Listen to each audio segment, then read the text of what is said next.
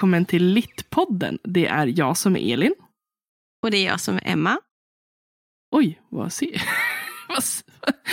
Va? känns som att du, det känns som att du liksom fick en betänketid på typ 15 sekunder. Nu var- Va? jag Tycker trodde du? att du försvann. Alltså, ja, jag, jag bara, oj, nu försvann Emma. Men Nej, men jag inte. tycker jag var så kvick, snabb och så hej. Men vad fan? Kanske var min hjärna bara som... Ja, det, tror att det är din Som hjärna laggade. slow, som lagga. Sant. du vet Sant. den buffering som man kan få upp ibland på datorn när det buffrar. Mm. Så var det min hjärna, tror jag. Hur är läget? Ja. Det är så roligt också för när vi ställer de här frågorna, alltså det är, Det är ju inte så att vi inte Vi har- vet hur läget alltså är. vi har, ju, vi har ju pratat med varandra konstant. Ja men alltså gud, det har vi. Ja, hur är läget? Ja. ja, idag så gick jag från att eh, bli läggad som 15-åring till att eh, eh, en person trodde att... Det är så här, så googlar man på mitt namn, googlar man på Emma Granholm, då det eh, dyker upp en annan Emma Granholm då. Eh, som har skrivit massa ungdomsböcker. Eh, jag tror jag nämnt det här förut i podden. Hon, hon är ju dock 43. Och jag fick ett mejl idag. Eh, jättetrevligt mejl. Jättefin tjej. Ja, En jätte, jättefin tjej. Som inte känner mig sen förut. Men eh, då skrev hon på slutet då att eh, det var en liten fågel som har viskat i mitt öra att, att du skriver ungdomsromaner. Så roligt! Och jag sitter just nu och ska svara på det mejlet sen då. Um, och förklara att nej, jag är inte född 1980, jag är inte 43 år gammal. Jag, eh, först och främst, vi kan börja där. Jag är 29. Ehm, inte för att 43 är gammalt direkt. Så jag bara tillägga för er. Snart är halva år lä- eh, följa Skara bara, mm, nej. Men eh, det är ju fortfarande 14 år fel. Jag, jag sa till Emma, helvete du är ganska fräsch för att vara 43. Vet du vad, det skrev Felix också i så här, klasschatten. Ja. Min, min klass, en klasskompis till mig. Han, han tyckte också att jag men, är fräsch 43-åring, ser väldigt ung ut. Em, och jag har inte skrivit böcker som till exempel 17 år är skitsnygg. det är inte jag, tyvärr. Skulle kunna vara du, men det. nej, nej, alltså innan jag skriver ungdomsromance ehm, så, eh, så... Ja, det är det sjukaste jag varit med om faktiskt. Sjukaste. Det, är, ja, men det, det är lite utanför din, din, Ja, din liksom comfort zone eller vad man ska säga. Och det är så det, jag- vet inte om jag ska vara kränkt eller smickrad. Att hon, tror att, att hon faktiskt tror att jag är författare till ungdomsromaner. Och Emma Granholm liksom författar innan den riktiga Emma Gran. Eller ja, jag är väl riktig också. Den, den Men- äkta. Författaren, Emma Granholm, hon, hon är ju, hon är ju ganska, hon ju ganska, det är ganska hyllade liksom, ungdomsböcker. Så det är ju på sätt och vis smickrande att hon trodde att jag hade skrivit dem. Men mm. Mhm. Det här är ju också varför jag är liksom, jag, ja nej, jag vet inte. Men nu har, vi, nu har vi i alla fall eh, rätt ut det där. Att du är inte, du är inte den rätta Emma Granholm. Du är fel Emma Granholm. You're I am the imposter. imposter. imposter syndrome. Det där det kommer ifrån, fan. Helvete. Du försöker Oj. slinka in på krogen och bara, vet du inte vem jag är? Jag är författaren Emma Granholm. Bara, Nej, vet du vad? Du ser inte ut att vara 43. Hade det här varit en bra skräck sci-fi dystopi då hade jag varit hennes dubbelgångare. Hennes eh, som typ i Android, eh, nej inte Android, eh, do, do Android stream of electric sheep. Also Blade Runner. Då hade jag varit hennes dubbelgångare. En Mm. android som kommer för att mörda henne. Revolution. Mina androidvänner där ute. Det är jag och AIn. Vet ni? Ja, ja det, det låter You fantastiskt. should be afraid. Den, den, du borde skriva en fanfiction om dig själv. Emma Granholm, den riktiga Emma Granholm. Det kan vara en succé. Eh, Fågeln som viskade om Emma Granholm. Ja, ja. Fan också. Det är Ja, titeln på boken. Och det är, så, det är sånt där, miss, du vet, jag vill inte jag vill inte att hon ska känna sig skamhurven som jag kände. Eller jag vill inte att hon ska känna att jag... Alltså jag skrattar ju lite. Skrattar ju, hon vet ju inte om att det är fel så jag måste ju säga att jag kanske skrattar lite åt henne. Men det är inte för att jag typ bara, haha vad du är dum, utan typ mer så här bara, vad hände nu? Det här blev jättekonstigt. Och det är innan liksom det klickat. Åh fan, hon har googlat på mitt namn. Man ska inte googla på Emma Granholm. Nej, Det blir inte rätt. Inte man rätt vet aldrig vad man kan få upp. Nej, jag skojar. Ja, men en, i och för sig dock så där, all publicitet är väl bra publicitet. Är det verkligen det? Jag vet inte. Jag vet inte om 17 år skitsnygg är en bra, är bra publicitet. Det, är så här, det, det där har varit ett stående skämt sedan jag var ett barn. Alltså när jag fyllde 17, då my, my Facebook flooded med liksom bilder från Google på just den boken. Emma Granholm, 17 år, skitsnygg. Du vet, så det, det efter ett tag blir skämtet lite trist också. Ibland, det blir så här, ja, jag är ganska less på det nu. Måste kanske byta. Jag ska byta efternamn egentligen efter mig. Vet du vad titeln på min bok ska heta? Nej, vadå? 32 år och skittrött. Vad, det var inte ens kul. jo, för det är sant. Det är sant. Ja, vi är rätt så, det är ju läget utöver det här roliga missförståndet, den lilla anekdoten. Det är, vi hade ju 70 procent i fredags och vi är ju trött. Är vi. Särskilt Ja. du, tror jag. Alltså, ja.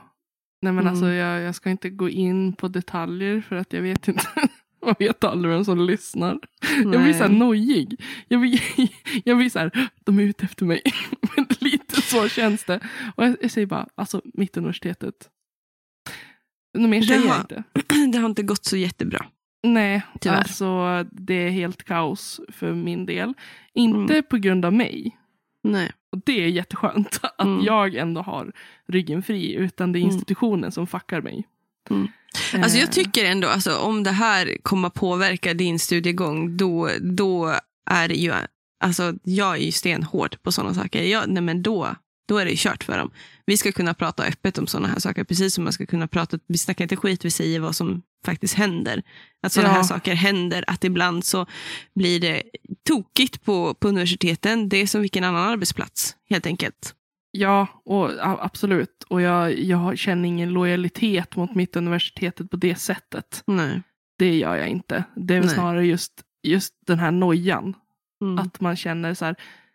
För det är ju också bara människor och jag tänker Jo. att vi är inte, Nej men det är sant. fin, alltså alla vet ju inte vilka vi är. Det är inte säkert att Mm. de berörda personerna det här gäller kommer Nej. att lyssna på oss. Men Mm. samtidigt känner jag lite, du vet så här lite nojiga om de nu skulle göra det. Skulle Mm. det kunna påverka en examination av min uppsats? Nej, Det, det, alltså det, det får det, inte. Nej, alltså jag vet ju att det inte Jag vet, får det. men jag förstår. Jag förstår. Men Eh, jag är också det- lite mer på krigsstigen än vad du är. Nej, men alltså jag har ändå varit, alltså, jag har ändå varit ganska mycket, alltså, med tanke på hur snäll jag är som person. Alltså, Alltså, jag, du- jag är ju inte en sån som klagar eller är liksom Nej. arg. Jag Nej, är nej, så här, nej. okej. Nej, jag, men, jag hittar något gott i alla och jag har verkligen Mm. varit arg och jag har kämpat för min sak. Mm. Alltså jag ändå. Bara den grejen, liksom, Elin Oslin är förbannad. Alltså Mm. det, då, ibland så på universitet så eh, skär det sig ju, precis som du säger, så är det ju, det är ju människor. Och man, man är inte kompatibel med alla, helt Nej. enkelt. Och det blir misskommunikation och särskilt när saker kanske, man själv har en vision och en bild och så en annan har inte det. Eh, och man är alltid påverkad av sina ryggsäckar. Hur man kommunicerar och konstruktivt eh, arbetar igenom och reparerar saker som blir fel. Ja. Så att just nu är min uppsats, eh, alltså min uppsats, om jag kommer lämna in den, hur det kommer gå, det är väldigt oklart. Mm. Och eh, jag är bara, jag är bara trött. Trött. Ja. trött. Ändå, håller humöret uppe. Jag är Mm. arg om vartannat. Jag är less om vartannat. Men ändå, Mm. alltså jag vet att jag, jag har Mm. gjort ett bra jobb. Mm, Att det, har här är inte, det här är inte mitt Nej. fel. Jag rår inte för det här. Nej. Och jag kan vila lite grann i det. Mm, det. Men eh, eh, alltså jag känner jag ska upp till Jag tycker ofta jag säger jag ska upp till Umeå. Du, jag tror du säger det nästan alltså, vartannat avsnitt nu. Men nu har jag inte varit på Umeå sedan i Mm.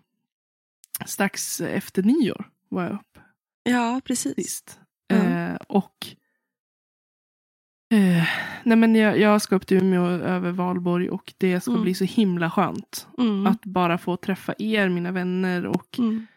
eh, göra väldigt roliga saker. Mm. Att bara få koppla bort allt ansvar, alla tankar på uppsatsen och liksom inte, sitta, inte kunna sitta och grubbla, för det kan man ju inte. Nej.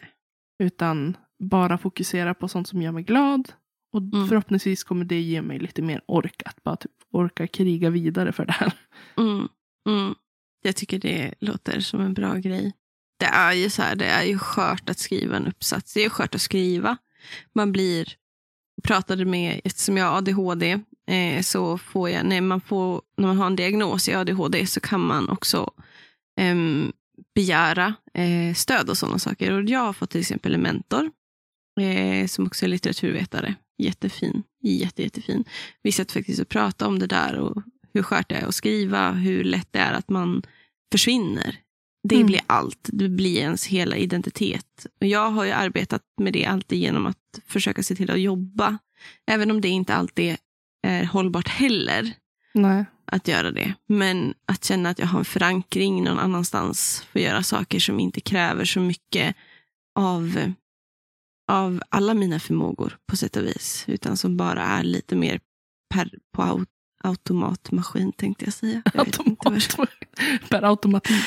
Per automatik. Ja, nej, men jag förstår vad du menar. Och just att få känna liksom att världen slutar inte att snurra Mm. om jag inte, om jag inte fixar det här. Nej. Det Utan hjälper att, lite att det, det, det, den, alltså man sitter ju konstant och trycker ner den här skrikande rösten i bröstet så långt ner men det bara går och ignorera den som, gall, den här, du vet, den som gallskriker ja, i en konstant. Den, det hjälper en att trycka ner det lite. ja, för det känner jag också så här att jobbet får mig ändå känna så ett lugn i Mm. att jag, jag vet att jag har jobb ändå. Mm, mm, Det faller inte på om jag klarar det här eller inte. Nej. Eh, Men det här är ju någonting jag gör för mig själv. Så att jag hoppas ju att, det, att jag ska bli färdig och få ta min jävla examen. Så att, jag, kan- så att jag bara kan gå vidare. Men att som sagt, världen kommer inte sluta snurra. Jag kommer fortfarande liksom vara säkrad så. Mm, Och det känns skönt. mm. Ja, jag är ju inte lika säker över hösten som du är. Det är Nej. också en del av den gallskrikande rösten. Vad gör jag till hösten? Det- This is it now. Jag kan inte göra något mer. Jag kan inte plugga något mer.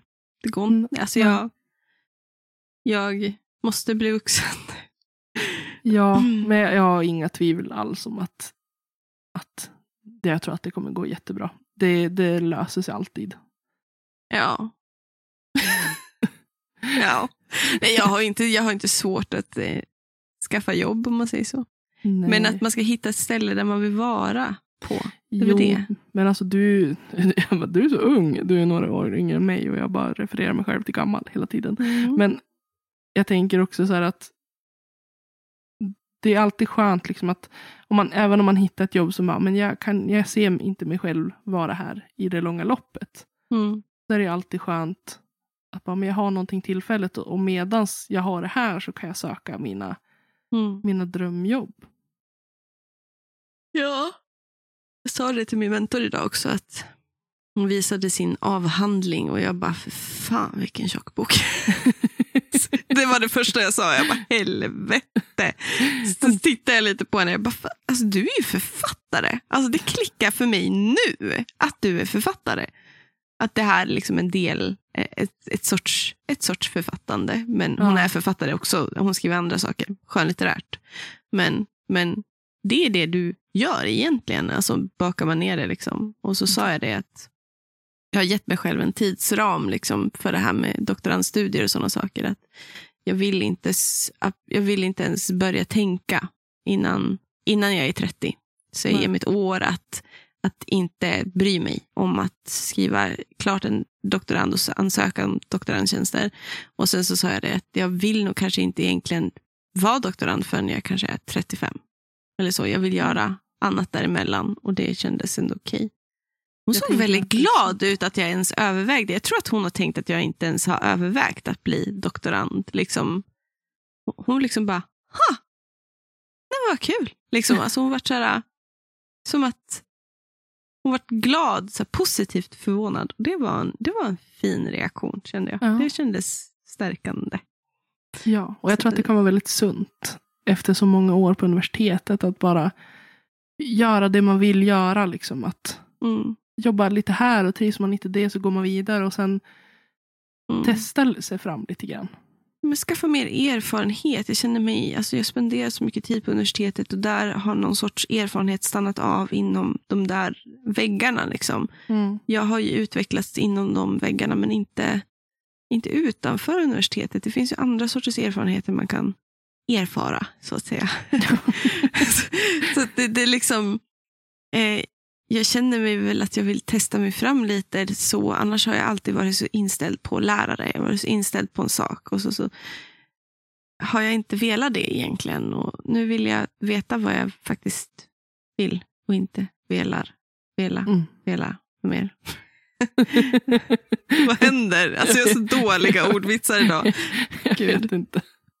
Men alltså, Men, oj, oj, eh, ja, oj, ja. Nej men eh, ja, som sagt, det, det har varit tufft. Men Mm. desto roligare är det typ att vi gör ett sånt här avsnitt idag. Där vi bara Ja. får prata om oss Åh. själva tänkte jag säga, men det gör vi hela tiden. Ja, nej, men där vi får prata om vad vi gör sen.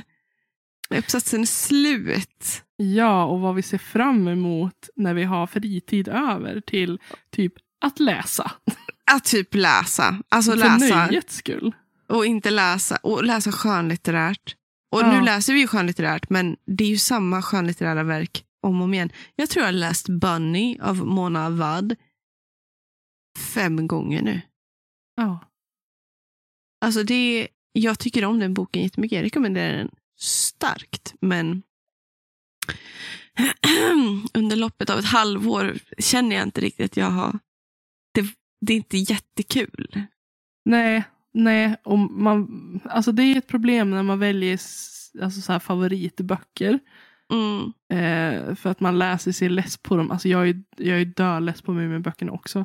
mm, Men, nej men alltså Jag- jag, ser, jag ser fram emot att börja läsa. Alltså bara kunna plocka ner en bok för att jag faktiskt känner att jag har lust att läsa den och att jag har tid och ork. mm. Och att man gör det, man hinner läsa utan skuldkänslor. Ja, ja men Men gud. nu, nu läser man ju, man läser ju, men jag läser ju konst, med konstanta skuldkänslor.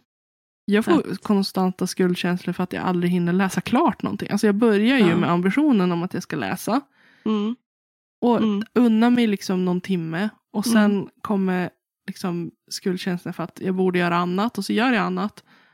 Och sen får jag skuldkänslor över att ja, men nu har jag inte läst ut den här boken som jag hade Mm. tänkt göra. Så jag har jättemånga påbörjade böcker. Men mm, mm. ah, shit. Ja, eller liksom man lever i någon sorts, någon sorts konstant skuldkänsla. Mm. Kan inte ens titta på serier liksom, utan att känna skuldkänsla. Jag borde sitta och läsa en nöjesbok. Eller jag borde sitta och lyssna på någonting egentligen. Eller jag borde läsa den här forskningen. Jag borde läsa om mina romaner, just den där, det där kapitlet igen. Och jag borde skriva på min Ja. bok. Om jag nu inte ska skriva uppsatsen, varför skriver jag inte på mitt bokmanus? Eller varför planerar jag inte? Alltså det är konstanta skuldkänslor vad du än gör. Alltså det är fruktansvärt. Och det sa min mentor idag också. Hon bara, det är fruktansvärt att skriva uppsats. jag har Jag bara, försökt förklara det och ingen förstår liksom den här fruktansvärda känslan. Men jag Nej. tänker att ska vi gå in i eh, lite grann vad vi ska prata om idag. Mm, mm, Eh, vi tänkte ju någonstans att, ja men det hade, alltså i och med att vi, vi sitter och tänker på de här efterlängtade to be read mm, högarna vi har. mm, De böcker vi ser fram emot att läsa som vi har lagt Mm. på hög för vi inte har tid och som vi liksom går och suktar lite. Och då tänkte vi att det hade varit lite kul att dela med oss av topp tre av våra eh, men framtida läs... 2BRs. Ja, precis. Topp tre 2BR. Eh, Ja. TBR, kanske inte 2BR. To be read. 2BR. Att läsa-listan. Okej, Ja. Läsa listan. Det var ett jättebra ord. jag vet. Ska jag börja eller vill du börja? Ska vi ta varannan? Vad Du börjar. Du börjar. Okej. Eh, ja.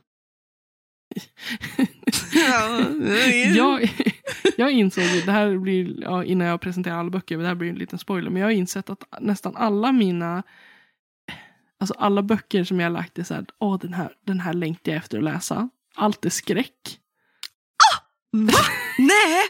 Nej men driver du? Nej, Nej men jag, det är helt fantastiskt. alltså jag är så less på människor, jag vill bara se död. Och för... Jag. Wow! Nej, men, Nej alltså men jag är, I am flabbergasted. Mm, så att alla tre är skräckböcker som jag har. Okej. Två har jag fysiskt, en vill jag köpa. Mm. Jag har inte gjort det än. Mm. Men den första jag kan visa Emma är ju den jag faktiskt fick av henne. Eh, V.E. Schwab, Gallant. Gallant. Gallant. Och V.E. Schwab är ju en amerikansk författare. Hon har Och- också skrivit The Invisible Life of Adela Rue. Ja men precis, och det blev ju typ en TikTok. Kändis, den är Ja. fortfarande känd på TikTok tror jag. Ja, ja men den har cirkulerat. Eh, Jättemycket. Och just den här boken Gallant kom ut Mm. 2022 så att det var förra Mm. året. Mm. Och det handlar ju om en 14-årig tjej som är föräldralös och ärver, eller hon, eh, ja men hon, hon, eh, hon ska åka till sin farbrors estate, hans eh, Mm. gård. Herrgård. Ja men precis, och inser liksom att han, han har ju dött, han är död. Mm. Eh, och på den här gården händer det väldigt mycket saker. Mm. Ehm, och att hon inser väldigt mycket om sitt förflutna. Väldigt mörka Mm. hemligheter som Mm. kommer fram i ljuset. Mm. Och nu, eh, vi, kan, vi lägger förmodligen upp någon bild på Mm. de här böckerna. Mm. Men alltså omslaget. Det är ju typ främst varför du, alltså du vart ju så kär i omslaget. Ja, och, och det var så roligt också för att jag satt hemma hos Emma och bara tog upp den här boken. Alltså jag var så här, det här, det här är fantastiskt. Det, det Jag jag satt och hade panik och bara, gud, den boken har jag köpt till henne. Och, du, håll masken nu Emma, håll masken. För jag tänkte inte, jag bara visade vilka böcker jag hade köpt. Ja, Jag ville bara visa vilka böcker jag hade köpt. Och så bara plockade du upp exakt den boken jag hade köpt till dig. Och jag bara, ah, panik, panik, panik, panik. Jo, det, var, det var ödet och jag tänkte väldigt mycket på, för det är, alltså det, på, på omslaget så är det ju själva slott, eller eh, gården, eh, gården Mm. heter Gallant. Mm. Och un, det är liksom, då ser man den rättvänd och så nedanför titeln då ser man gården upp och nervänd så att den är Mm. speglad. Mm. Och den som är eh, nervänd är också lite rödare, alltså huset är lite rödare. Mörkare. Mm. Ja. Och jag tänkte direkt på Haunting of Hill House, alltså just Mhm. eh, hur Mm. det här hemsökta stället har typ någon form Mm. av själ. Alltså det, jag gillar Mm. det där att huset får vara the center of attention. Huset är monstret. Ja men exakt.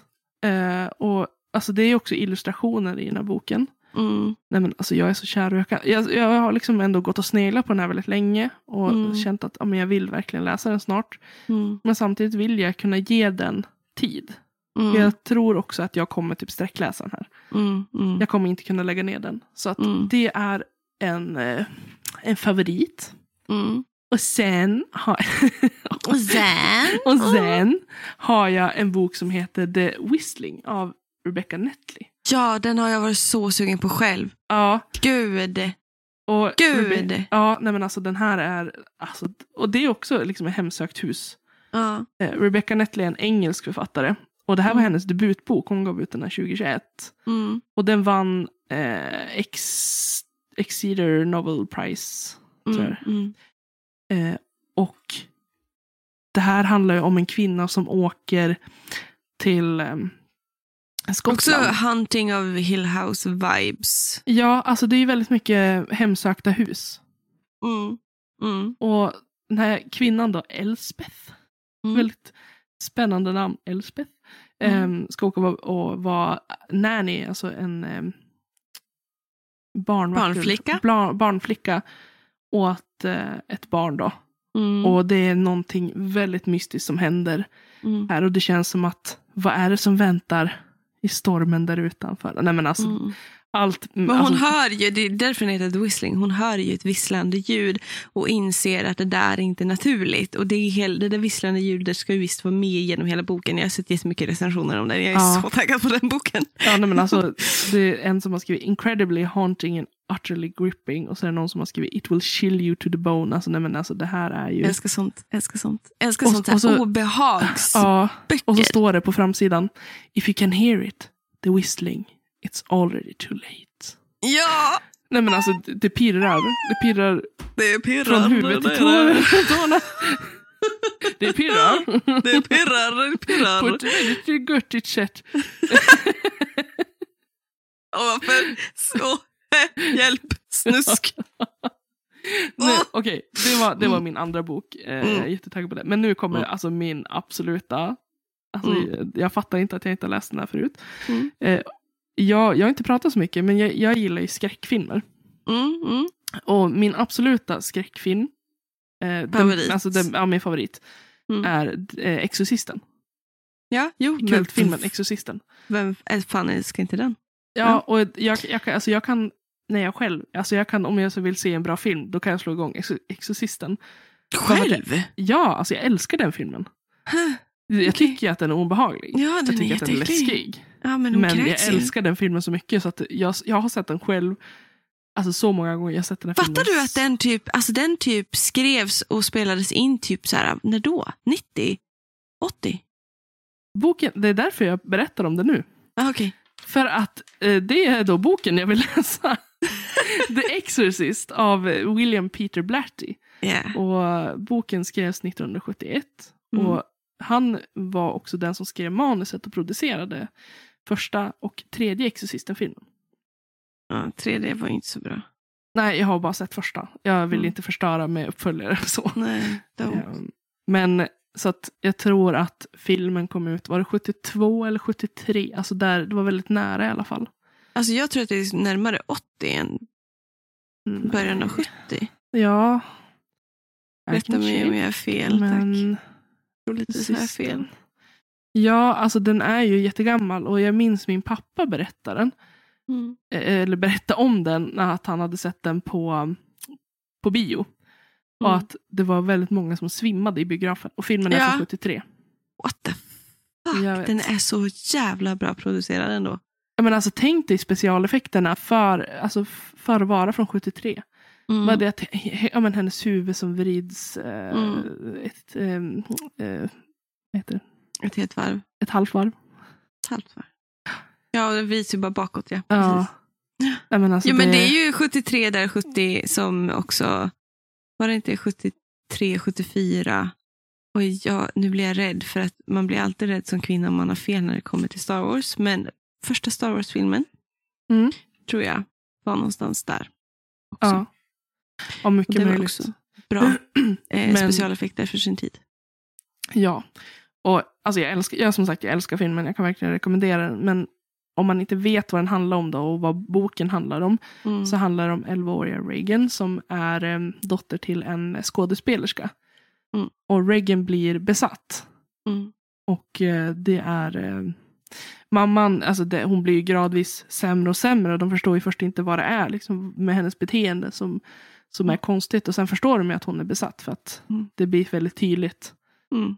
Och eh, mamman eh, försöker då få hjälp av eh, eh, präst? präst. Det är två präster som kommer för att hjälpa till Mm. Mm. för att utföra en exorcist, exorcism. Ja. Och nej men alltså det, Och det brackar rakt åt helvete. ja, och det är någonting med exorcism i, alltså i böcker och i filmer Mm, som jag bara, mm. alltså där, om, det, om det finns med så är jag såld. Mm. Spelar ingen roll hur dåligt det är, bara det är med så kommer jag Mm. vilja se det. Mm. Eh, Det är därför du ska läsa Grady Hendrix, eh, My Best Friends Exorcism. Ja, jag, stod och, jag stod och höll i den för ett tag sedan på Akademibokhandeln. Men eh, jag köpte och du köpte den. den inte? Nej, alltså jag, jag kände Va? att jag, jag var för fattig. jag hade inte Alltså, råd, men jag ska köpa den. Elin. Jag har, köpt, jag har två böcker med Grady Hendrix eh, som jag inte har hunnit läsa än. Ja, det... The Southern... Mm, Eh, The Southern's Guide. The Southern's Book. The Southern's sla- to Book. Slaying Vampires. Den är det, alltså den där titeln. Va? och, så, och sen kommer jag inte ihåg vad den andra heter. Är det Final Girls Ja, precis. eh, Club? Typ Ja. sånt där. Mm. Den är också bra. Lite Ja. sämre än alla andra hans böcker. Ja. Lite mer misogyn. Det märks mer att han Okej. är man. Oj då. Oj då. Mm. Ja, men jag, jag får väl läsa den och se. Men, Ja. nej, men alltså jag, eh, jag är jättetaggad. Jag ska köpa hem Exorcisten. mm. För att eh, jag orkar inte. Alltså jag känner att jag vill ha den ändå. Bara Ja. för att det är min favoritfilm också. Och att Ja. han har skrivit manuset. Det blir ju en väldigt nice. Alltså den ligger ju väldigt nära filmen naturligtvis. Ja men självklart. Det är sånt är ju bäst. Verkligen. Ja, Bäst. ja men verkligen. Alltså, jag tror att jag kommer Mm. vara otroligt imponerad. Mm. Att, Nice. Nej men det var, det var mina favoriter. Topp Mm. tre. Fan vad snabbt du drog igenom dina favoriter. Ehm, ja, vi skulle ta favoriter. Eller ja, nej men jag valde mina favoriter. ja, men det var bra. Jag, jag kan, jag har ju, kan inte, jag, det är en ganska bra, det är ett bra karaktärsdrag. Jag kan inte favorisera. nej, men jag sa faktiskt till Emma, hon har faktiskt valt tre böcker. Och jag var jag är ändå stolt över dig som, Mm. som inte skenade iväg och hade med dig 18 böcker.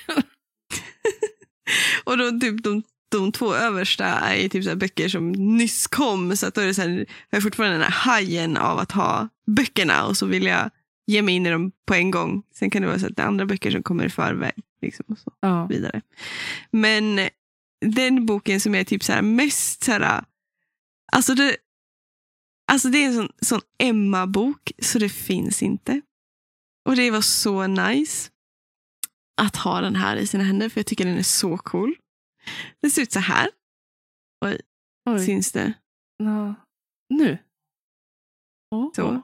Jag kommer att lägga ut bild för er också. Den heter Tandläkarmanifestet eh, skriven av Eira A. Ekre. Eh, svensk författare. Och det, alltså nu ser jag ju typ inte ett skit. Eh, för att jag har sett den snurra på, på Bookstagram ganska mycket. Det är Swedish Zombie som har gett ut, Swedish Zombie förlag som har gett ut den här boken. Som är ett svenskt eh, förlag som mm, ger ut indieförfattare eh, och, och bara skräck. Ja. De har också podden Monsterboxen. Har de, Ah. som är ganska nice. Eller ganska nice, som är nice, tycker jag. Ehm, men den här är så spännande. För att alltså jag måste läsa baksidan, jag måste läsa hela baksidan. För ni kommer förstå, för det här är en Emma-bok. Ja. Eh, Jalila Khan har två händer. Och det betyder att hennes föräldrar aldrig älskade henne. I det enhäntas värld är hon en social paraja. När hon en dag möter den tvåhänta Simbi Slithers blir hon blixtförälskad. Kärleksparet sugs med i en galaxomspännande konspiration där allt leder tillbaka till tandläkarna. Vilka är det egentligen bakom munskydden? Tandläkarmanifestet är en pulpigt, paranoid och surrealistisk space-opera som tar avstamp i det enhäntas värld och kastar sig ut i världsrymden. Alltså jag känner att jag är liksom lite så här, what? Vad hände Alltså, precis? Alltså, alltså det, det är så snurrigt. Och alltså jag, har, jag hann läsa första sidan innan jag var tvungen att tänka att nej, det här måste du spara. Och alltså den är, alltså den är fantastisk. Alltså det är så, liksom, de pratar om henne. Hon har liksom bara två händer. Och de beskriver henne som den tvåhänta teaterbruden. Folk vill se henne hålla flera saker på samma gång. Alltså det är helt otroligt. Det är helt otroligt. Och det är väldigt, det, det, alltså, väldigt rolig grej alltså, äh, att, Ah. att utgå från att, att normen är att vara enhänt. mm, Och att, för, jag menar för oss är ju normen att vara tvåhänt. Ja, ja verkligen. Och den är dedikerad till världsrymdens alla odontologer. Ja, men alltså, det känns verkligen som en, en bok för dig. Ja, men alltså det här, den här släpptes två- 2000, eh, eh, 2022. Eh, och eh, Eira Ekre tror jag debuterade med den här boken. Mm. Jag tror det. Jag är inte säker. Eh, men, eh, men det, det känns kul att det är en också svensk indieförfattare. Jag är ju väldigt kär i Karin eh, Tidbeck. Hennes böcker är ju riktigt bra också. Jag tycker att de författare som ger sig in i liksom de här uh, lite knepigare genrerna att marknadsföra i Sverige som oftast inte kommer jättelångt tyvärr för att i Sverige så läser vi bara Strindberg-böcker eller Strindberg-kopior. Så är det ju. Nej, jag ska, jag ska inte vara sånt, jag ska inte vara dryg. Men jag tycker, jag tycker om folk som skriver knasigheter Ja. och ger ut på svenska och ger ut som indieförfattare. Jag tycker det är riktigt nice. Ja. Jag tycker det är nice. Så den är jag super, super taggad på och den är det riktigt, alltså jag älskar formgivningen på den här boken. ja den, den var riktigt Alltså, det var, cool, det alltså. var, ja, alltså, alltså den är helt, helt i, ja det, den är helt otrolig. Och att den heter Tandläkarmanifestet. Ja. Alltså att komma på det namnet, alltså jag är imponerad. Ja, jag menar, alltså, man skulle vilja se vad som försiggår i huvudet där. Alltså, Ja, vilken, vilken, lite som man vill göra med Stephen King, öppna upp Ja. och bara titta ner. Va, hur, vars kom det här ifrån? Ja, jag är så, så När- nyfiken. När dök det här? Alltså någon gång. Alltså nej, men det känns jätte, jättekul faktiskt. Och jag tycker ju väldigt mycket om eh, att leka med tanken med konspirationsteorier. Jag tycker det alltid är bra plots någonstans. Jag tror ju sällan på konspirationsteorier, men jag tycker de är kul. Och tycker att de oftast utgör väldigt, väldigt bra plots. Ja. om man säger så. Sen min andra bok är faktiskt en klassiker som kom i en annan sorts form. Och den här kom faktiskt idag till jobbet, så jag hämtade Oj. ut den idag. Jag har väntat på den sen, jag lyckades ju beställa den här precis innan alla röda dagar, så den har ju typ tagit två, tre veckor längre än vad det skulle ta. Ja. Så jag har väntat otåligt, suttit och kollat på datorn på jobbet och bara, var fan är du någonstans? Men ni har kanske hört talas om Octavia E. Butler Ja. eh, och boken Kindred. Eh precis, jag tror till och med den finns som Netflix-serie nu, eller om det är Disney Plus den finns på. Eh, det är eh, Octavia E. Butler släppte, tror jag, Kindred 1900... Ja, du. 1900... Oj, svårt att säga nu. Nu vart jag jätteosäker, men det är ju en klassiker. Ja, lång, för, för jävligt länge sedan, så att säga. Är det. Och jag beställde hem eh, den grafiska formgivningen Ah, nice. på den boken.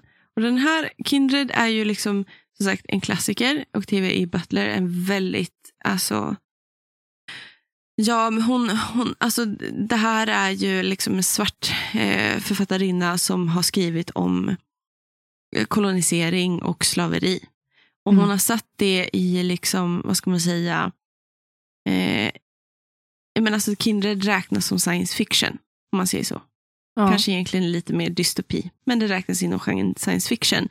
Eh, och den har, just den här, den här grafiska formgivningen av den har vunnit eh, the Bram Stoker Awards eh, för, eh, för, för, Får. för graphic eh, works. Liksom, Ja. helt enkelt. Att det här är en, liksom, eh, vad står det? Det står till och med Eisner Award winner best adaptation from another medium. Faktiskt. Så att jag har varit jättetaggad på den här, att läsa den här eh, grafiska novellen. Och jag älskar ju verkligen grafiska noveller. Och jag är ju, tycker ju ibland att vissa böcker kanske till och med gör sig bättre ehm, i grafisk form än kanske än i textform. Om man säger så. Ja. Och jag tycker väldigt mycket om Octavia E. Butler. Eh, Jag tycker hon är fantastisk. Hon, är en fantastisk, hon var en fantastisk eh, författarinna. Och jag tycker verkligen det är jätteintressant. Och ehm, rätt sorts sorgspänning att läsa eh, om eh, slaveri och sådana saker. Jag är ju väldigt intresserad av den tidsepoken i USA. Man säger så. Mm. Den utspelar sig i det.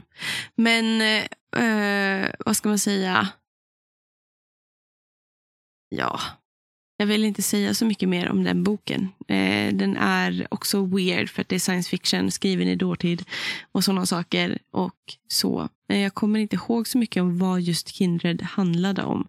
Jag läste den, alltså det måste ha varit tio år sedan. Jag var jätteung. Ja, jätteung. Ja. Jätteung var jag inte. 19. Eh, ja, exakt. Oj, vad gammal jag är känner jag nu. Men jag läste den på gymnasiet. Jag ja. kommer inte ihåg så jättemycket alls vad den handlade om. Så det ska bli kul att få läsa den i nytt format och känna som att jag kliver in i en ny bok igen. Ja. Det känns jättekul. Faktiskt. Kul. Och den är ju väldigt fin. Otroligt fin. Alltså, jag är så, den är så fin. Jag tycker det är ja, alltså, så den trevligt. var verkligen, alltså framsidan är amazing. Ja, men verkligen. Och det, Cassandra, ja, det händer så mycket. Cassandra på jobbet sa dock att hon bara såg direkt när den kom, att det här är en Emma-bok. Hon bara, jag lägger den i ett skåp så jag slipper se på den. jag bara, så otäck var det väl inte? Hon bara, nej jag insåg det sen när jag började bläddra i den. Så var den väldigt fin. Ja. Mm, okay. Jag har väldigt speciell, det är väldigt tydligt när det är mina böcker som kommer till jobbet. Men apropå fina böcker. Ja. Eh, så kommer vi till min tredje bok. Eh, och det är A Day of Fallen Night av Samantha Shannon. Och det var en tegelsten du? Exakt. Och grejen är det att det här är ju bok två. Det här är ju liksom, Samantha Shannon är ju också författare till The Priory of the Orange Tree. Som även den är en tegelsten. Eh, och den har jag också varit, den är också på min TBR. Jag har den också i fysisk form hemma.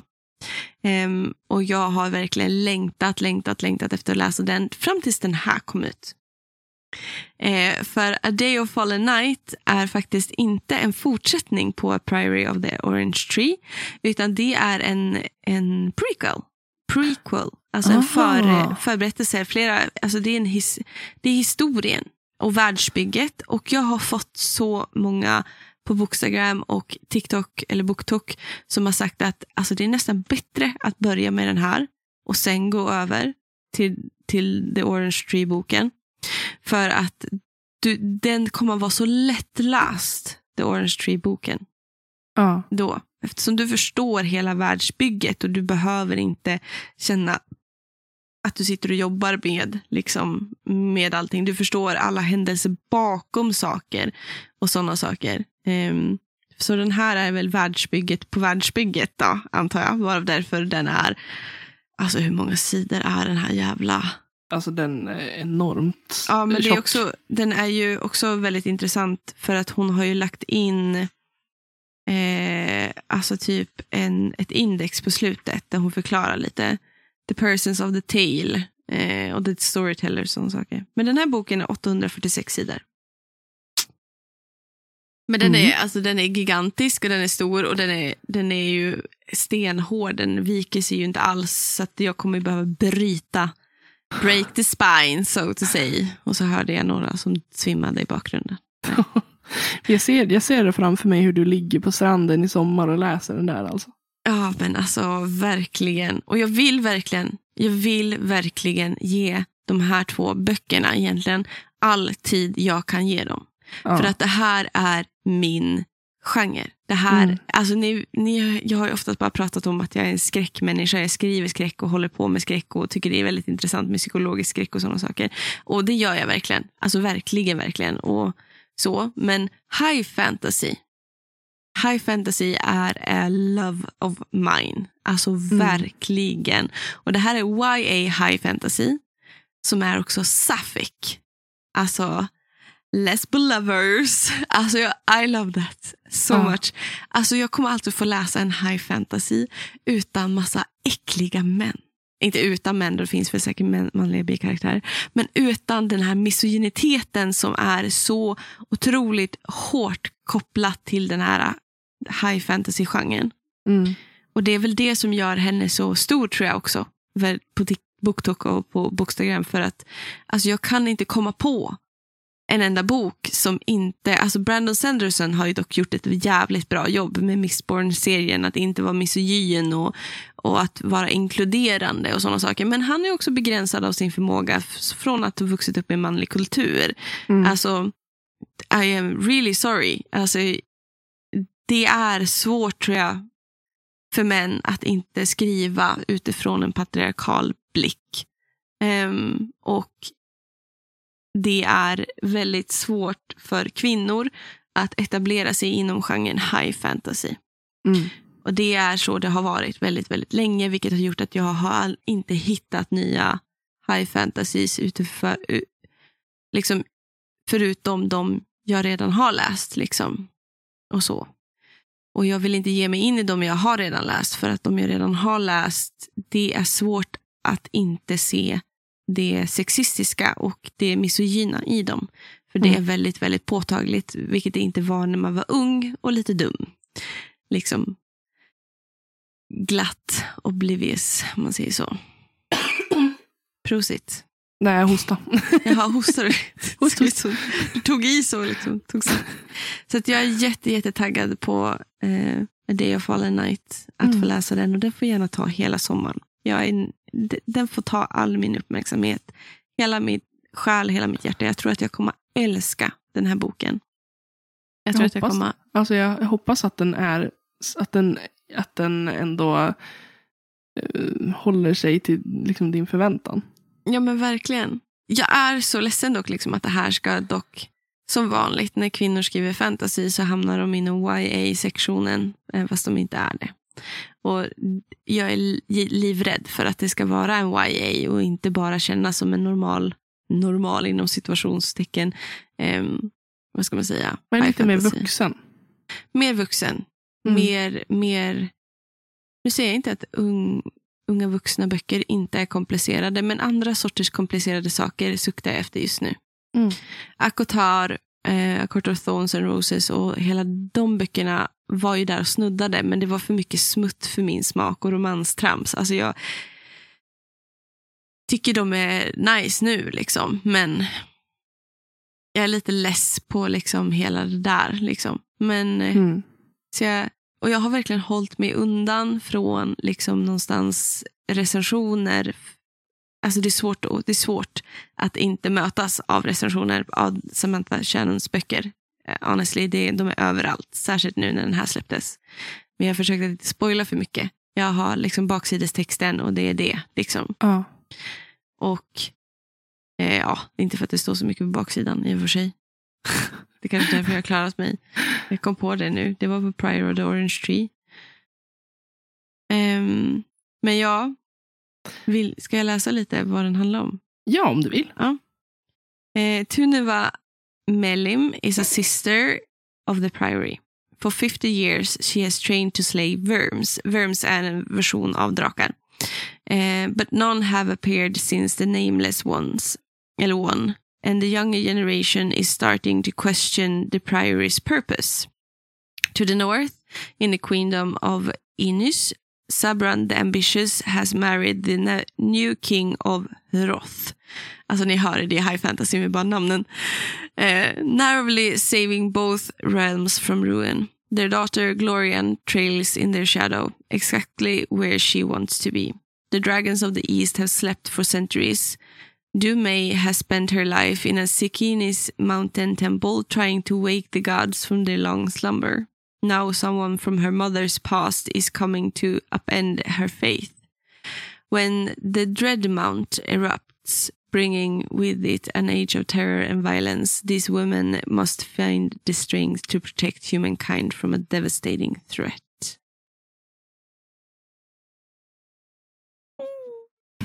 Och det är så jobbigt alltså när jag läser det där varenda gång. Jag sitter och vrider liksom, första sidan och läser hela tiden. Och det, det är så spännande. Det är Ja. så spännande. Alltså det här är så här, det här liksom, åh gud, mitt, alltså, åh, Så om man, om man undrar vart Emma har tagit vägen, i sommar. ja, så är hon inne i den här boken. Mm. Ja, men alltså nej, det ska bli så trevligt.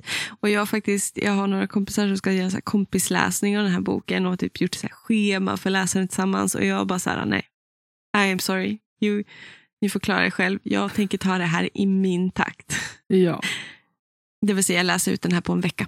ja förmodligen. Jag tänkte, jag tänkte ändå säga typ två dagar. Nej, nej men nej, alltså eh, sista Court-boken tog ju ändå kanske en vecka för mig Jo, att men läsa. hur motiverad var du att läsa den då? Men jag var jättemotiverad, den var den bästa. Var det det? Ja, det var den bästa. Det var ju första Jaha. boken som var fruktansvärd. Den tog mig typ ett halvår att ta mig igenom. Var det Nej. den du kastade också genom rummet? Yes, yes box. Jag är supertaggad dock. Jag kommer dock, alltså nu när man har hela den här uh, Accord-serien typ med även Silver and Flames. Nu, är ju, nu tycker jag de är riktigt nice. Jag ser världsbygget tillsammans också med Crescent City-trilogin som blir. Mm. Ehm, nu ska de komma i en ny formgivning som är så mycket snyggare.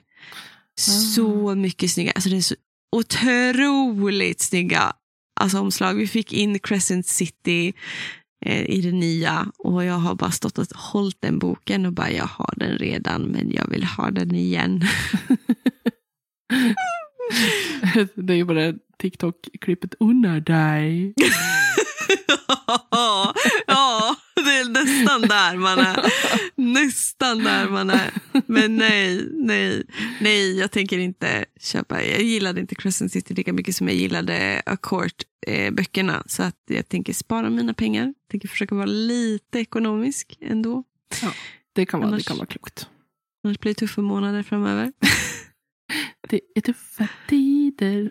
Ja, det är ju fan det. det, är fan det.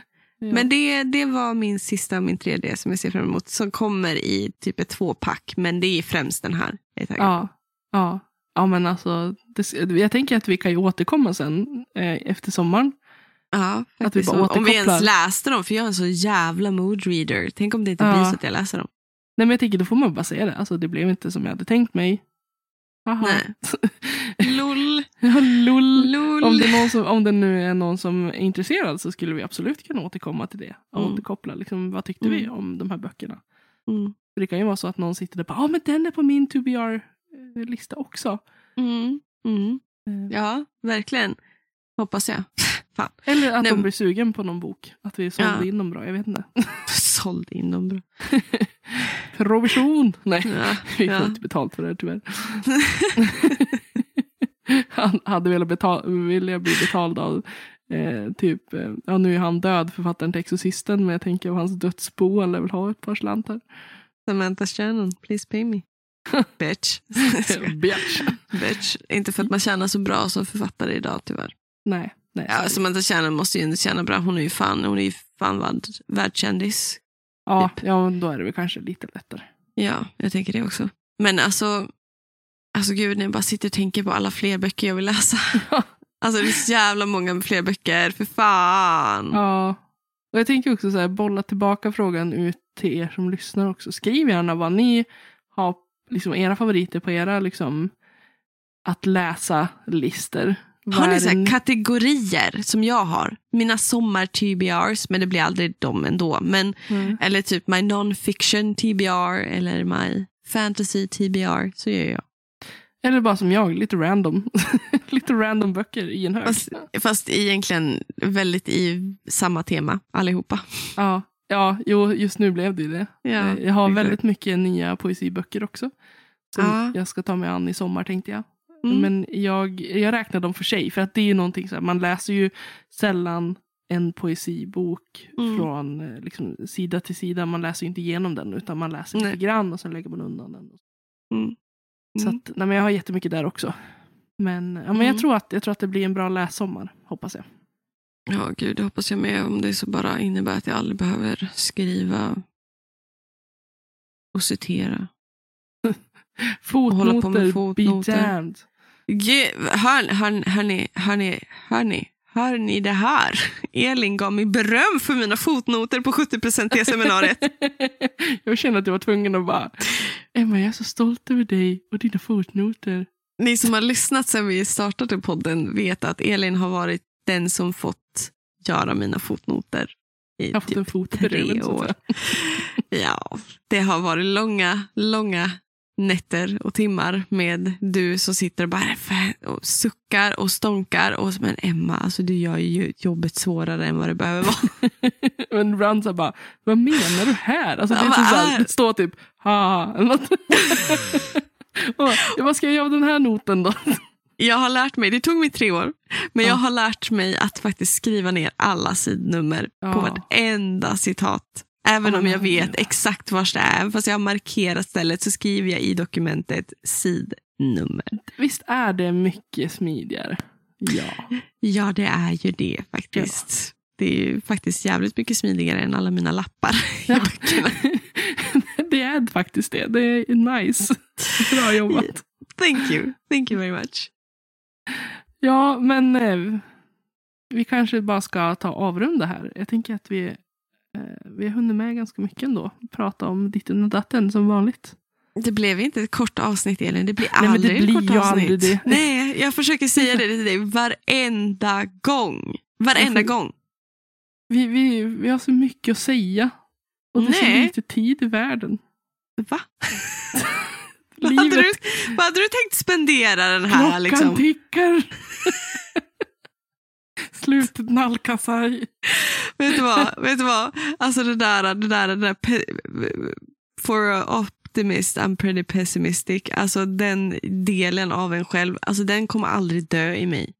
Nej. Idag, den, den senaste dagarna, sen i söndags har jag fått upprepa för en vän, inte för min egen skull, men för vännens skull. Life is shit and then we die. alltså det, det, den, det citatet kommer aldrig, det, den, den one-linern kommer aldrig. Aldrig dö. Nej, Den är evig. den är etablerbar på allt. Den är morgon. vet du. Ja. Ja. Nej, det är inte bra att slänga ur sig inside jokes i podden. Nej, nej, förlåt, ja, Harry, nej, förlåt. nej. Det, var, det var Eh. taskigt. Men ta, eh, tack. Ta- Jag försöker avrunda här för det känns som att vi bara spårar ur. Men, tack så jättemycket för att ni har lyssnat idag. Så hörs vi snart igen. Vi gör det. Hoppas vi. Om vi överlever det här. Yeah. Ha det bra. Hörni, vi hörs. Hej. Hej.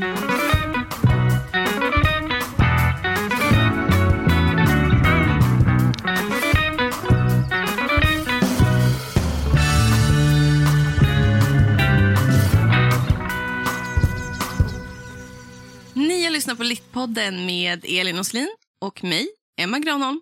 Musik och klipp av Magnus Kjellson och Robert Granholm. Tack hörni för att ni har lyssnat.